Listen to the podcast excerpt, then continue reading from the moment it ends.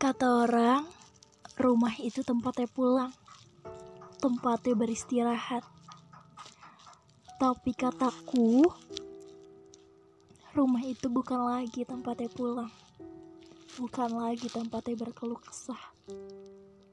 Tapi rumah ialah tempat kita beradu perang, caci, maki, omongan yang tak pantas didengar itu keluar semua. Ketika tidak lagi ada kemesraan di dalam sebuah rumah tapi pertikaian yang selalu ada di dalam rumah. Jadi gimana saya mau berinteraksi dengan keluarga saya jika di dalam rumah saja tidak ada keharmonisan. Jika di dalam rumah saja sudah tidak ada kasih sayang.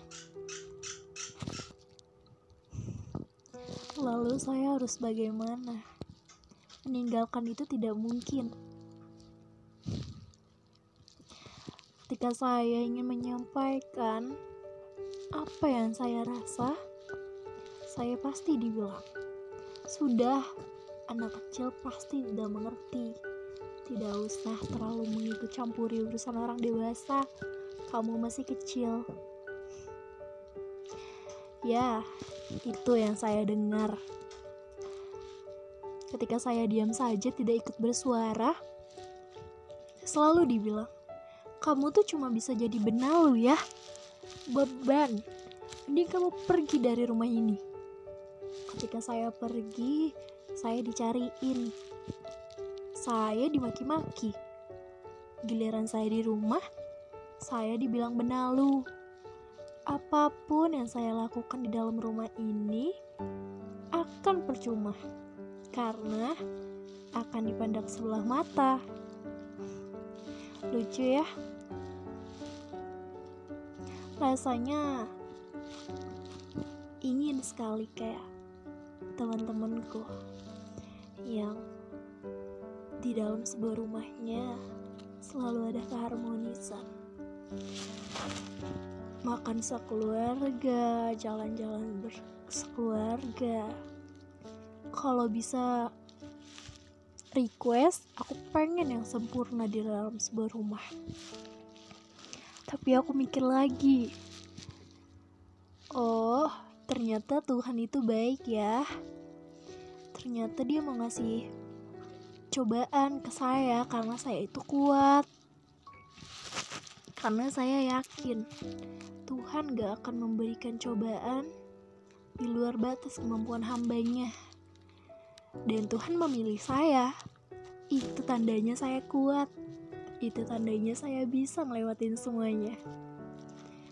Jadi, untuk kalian yang lagi ada di posisi yang sama seperti ini depresi setiap malam nangis overthinking mikirin masa depannya bisa sukses atau tidak.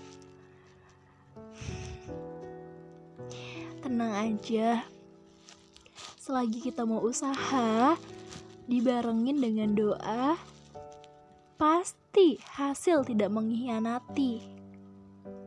Perjuangan tidak akan sia-sia. Dan buat kalian yang mikir, kok hidup gue kayak gini ya? Kok gue gak bisa kayak orang lain? Orang lain bisa punya segalanya dan saya tidak.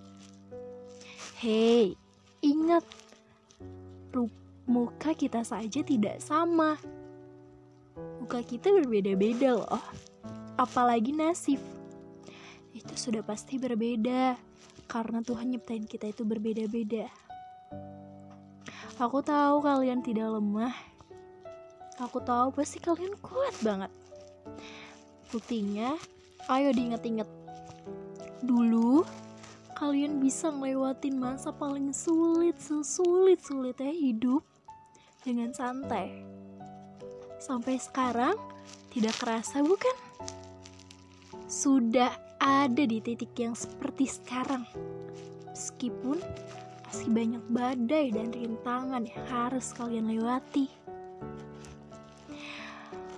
Semangat, karena hidup tidak terus di atas dan hidup tidak terus di bawah. Selagi kita mau usaha, dibarengkan dengan doa,